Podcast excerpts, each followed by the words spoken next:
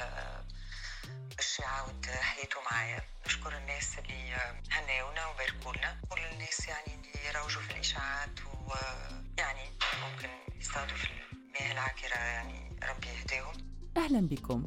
حلقة اليوم ستبدو لكم في البداية وكأنها مقتطفة من مجلة للأخبار الفنية وكأننا نقدم لكم مقطعا من نشرة حول أخبار النجوم في العالم العربي.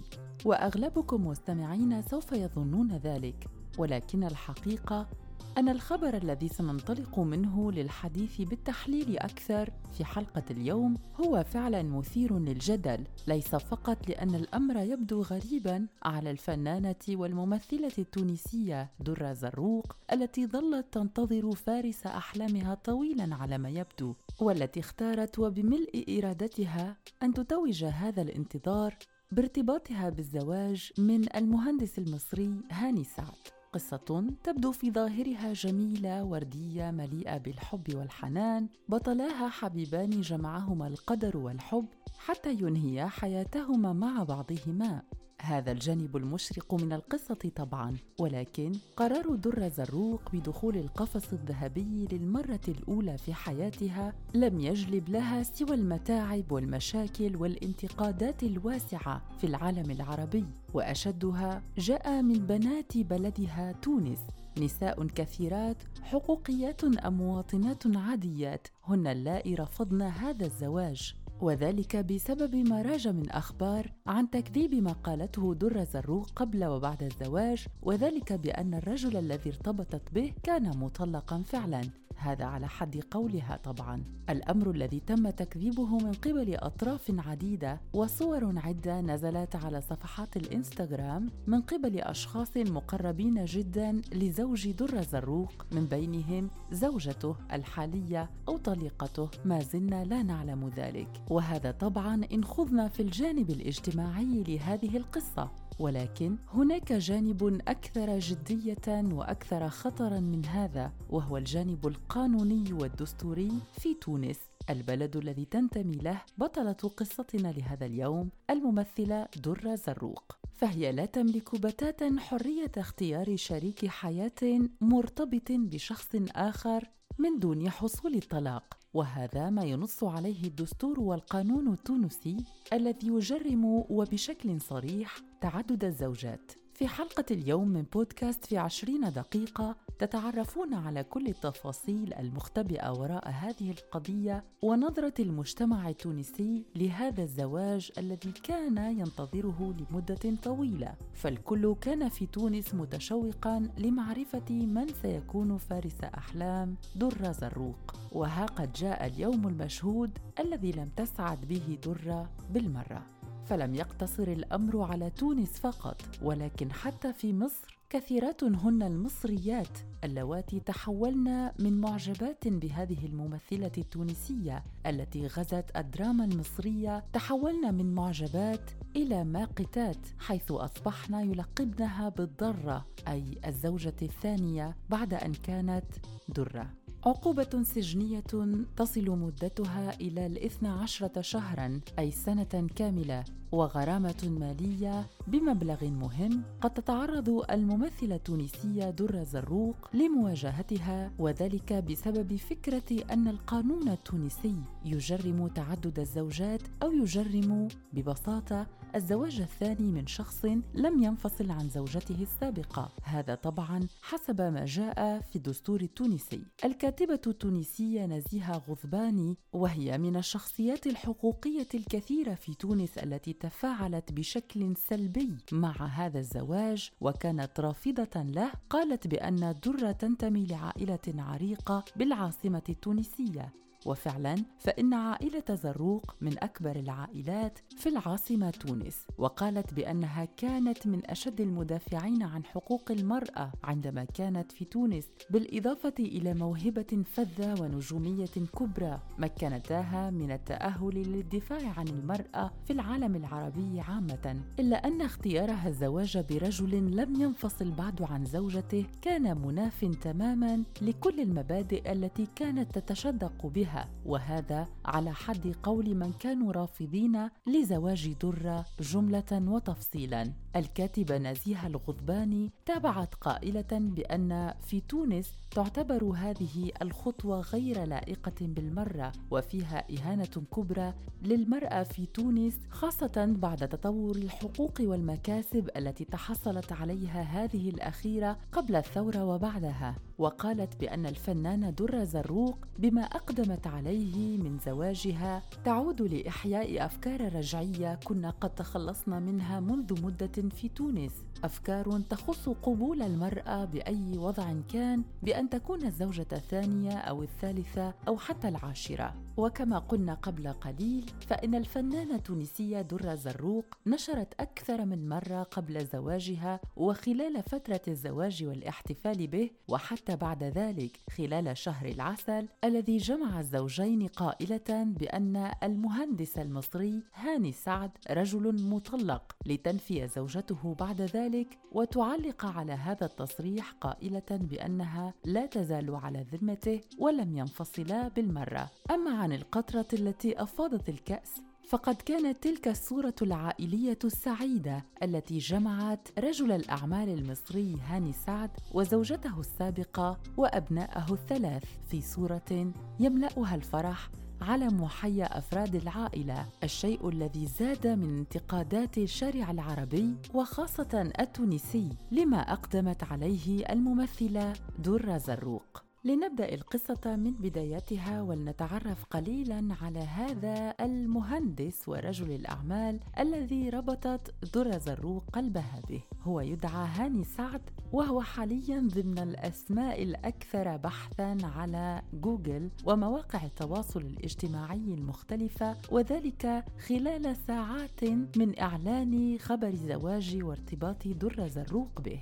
أما التقارير فتقول بأن الفنانة التونسية درة زروق قد انتهت من وضع اللمسات النهائية على حفل زفافها قبل بضع أسابيع من ذلك وقررت هي وهاني سعد أن يقيما هذا الحفل في مدينة الجونة الساحلية المصرية حيث سيقام في فندق خاص مملوك لرجل الأعمال المصري نجيب ساويرس. ووفقا لما تم تداوله في مواقع فنية مختلفة من مجلات تتابع أخبار الفنانين فإن هاني سعد أو عريس درة كما تم تلقيبه من قبل رواد شبكات التواصل الاجتماعي هو مهندس معماري ورجل أعمال مصري يملك شركة هاني سعد Innovations للتصميمات الداخلية والديكورات والتي تعد واحدة من أهم الشركات في هذا المجال في مصر وفي العالم العربي. وقد بدأ هاني سعد عمله في هذا المجال منذ سنة 2000 حيث شارك في العديد من المشاريع الهامة في مصر وتضم شركته أكثر من 500 موظف. التقارير وصفت هاني سعد بأنه من أصحاب النظريات في التصميم حيث أن لديه مبدأ ونظرية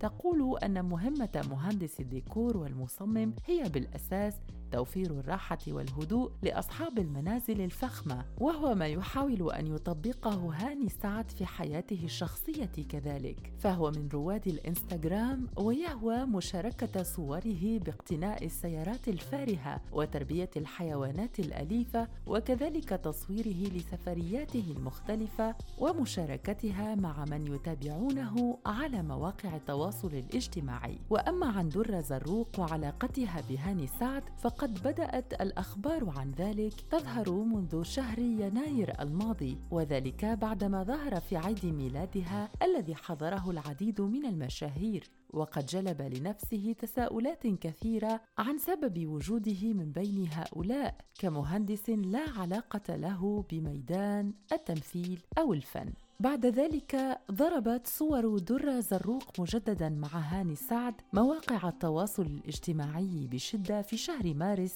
آذار الفارط صور ظهرت فيها درة زروق مع هاني سعد داخل سيارته. ومن هنا بدأت تكبر الشائعات حول إمكانية افتكاك در زروق بين ضفرين لهاني سعد من زوجته الحالية. كل هذا الأخذ والرد والحراك الكبير على مستوى مواقع التواصل الاجتماعي وكذلك التجاوب السلبي مع هذه القصة من قبل الحقوقيين التونسيين دفع بدر زروق للخروج عن صمتها وكذلك بهاني سعد للخروج عن صمته هو الآخر. دعونا نستمع وإياكم متابعين لما صرحت به در زروق حول الاتهامات التي وجهت لها. الناس اللي فرحوا لي وهناوني وباركوا لي آه كنت نتمنى بيان سور آه اصحابي من تونس وكل الناس تكون موجودة لكن يعني ظروف آه على غالب كورونا وكل. آه حبيت حاجة أخرى نأكد أني آه مرتبطة برجل مطلق اختار باش يعاود حياته معايا. نشكر الناس اللي هناونا وباركوا لنا كل الناس يعني اللي يروجوا في الإشاعات ويعني ممكن يصطادوا في المياه العكرة يعني ربي يهديهم. ويظهر لي الحياة الخاصة بتاع كل حد تخصه هو برك. كل واحد حر كل إنسان في الدنيا هذه الكل.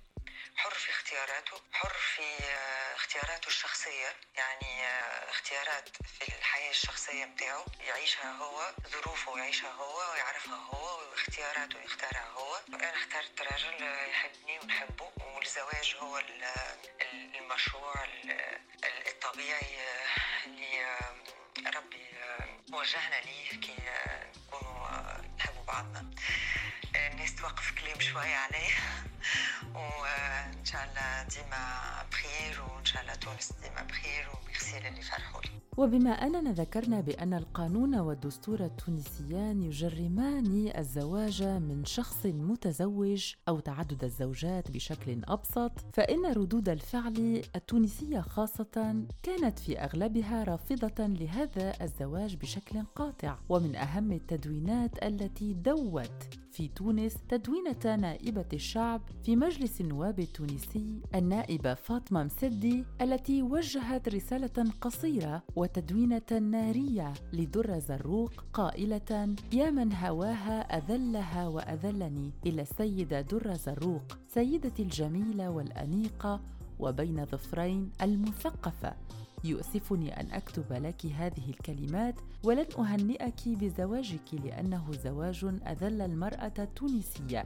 فكيف ترضين سيدتي أن تكوني ضره لا درة؟ كيف ترضين أن تضربي المدرسة البرجيبية التي حررت المرأة التونسية من قيود الفكر الرجعي؟ أنت سيدتي شخصية عامة يتابعك المراهقون والشباب والعامة. ويقتادون بك وبكلماتك ولهذا كلماتي ستكون قاسية وموجعة. أنت جعلت المرأة التونسية اليوم ذليلة وشرعت من جديد لما يتنافى مع القانون والدستور التونسي. كيف ترضين أن تذلي المرأة التونسية البرجيبية؟ سيدتي كنت معشوقه الحرائر في تونس معشوقة النساء اللائي لا تحتجن لرجل لتصنع مستقبلها وتعتمد على نفسها ولها شخصية قوية. ولكنك اليوم ضربت كل هذا عرض الحائط وأثبتت أنك عكس ذلك. فلا شكر لك سيدتي على إذلالك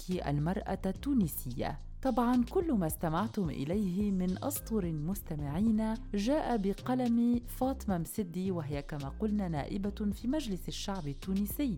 نائبة يبدو أنها رافضة وليس فقط رفضا عاديا ولكنها غاضبة بشكل واضح مما أسماه كثير من التونسيين جرما بحق المرأة التونسية خاصة بأن القانون لا يسمح بذلك. ولكن بعد أن خرجت الممثلة درة زروق لوسائل الإعلام في تونس خاصة وبعد أن أصرت على زواجها بشخص مطلق ظهر تصريح آخر وتدوينة أخرى لنفس النائبة فاطمة المسدي وهي تقول فيه استمعت إلى درة زروق وهي تقول أنها ليست زوجة ثانية وأن زواجها كان برجل مطلق. أعتذر منها وأتمنى لها السعادة واطمأن قلبي بأن المرأة البرجيبية التونسية لا سبيل لأن تتخلى على مكتسباتها وحقوقها أينما كانت. أما إذا ثبت العكس وأن درة لم تقل الحقيقة فإني متمسكة بما قلت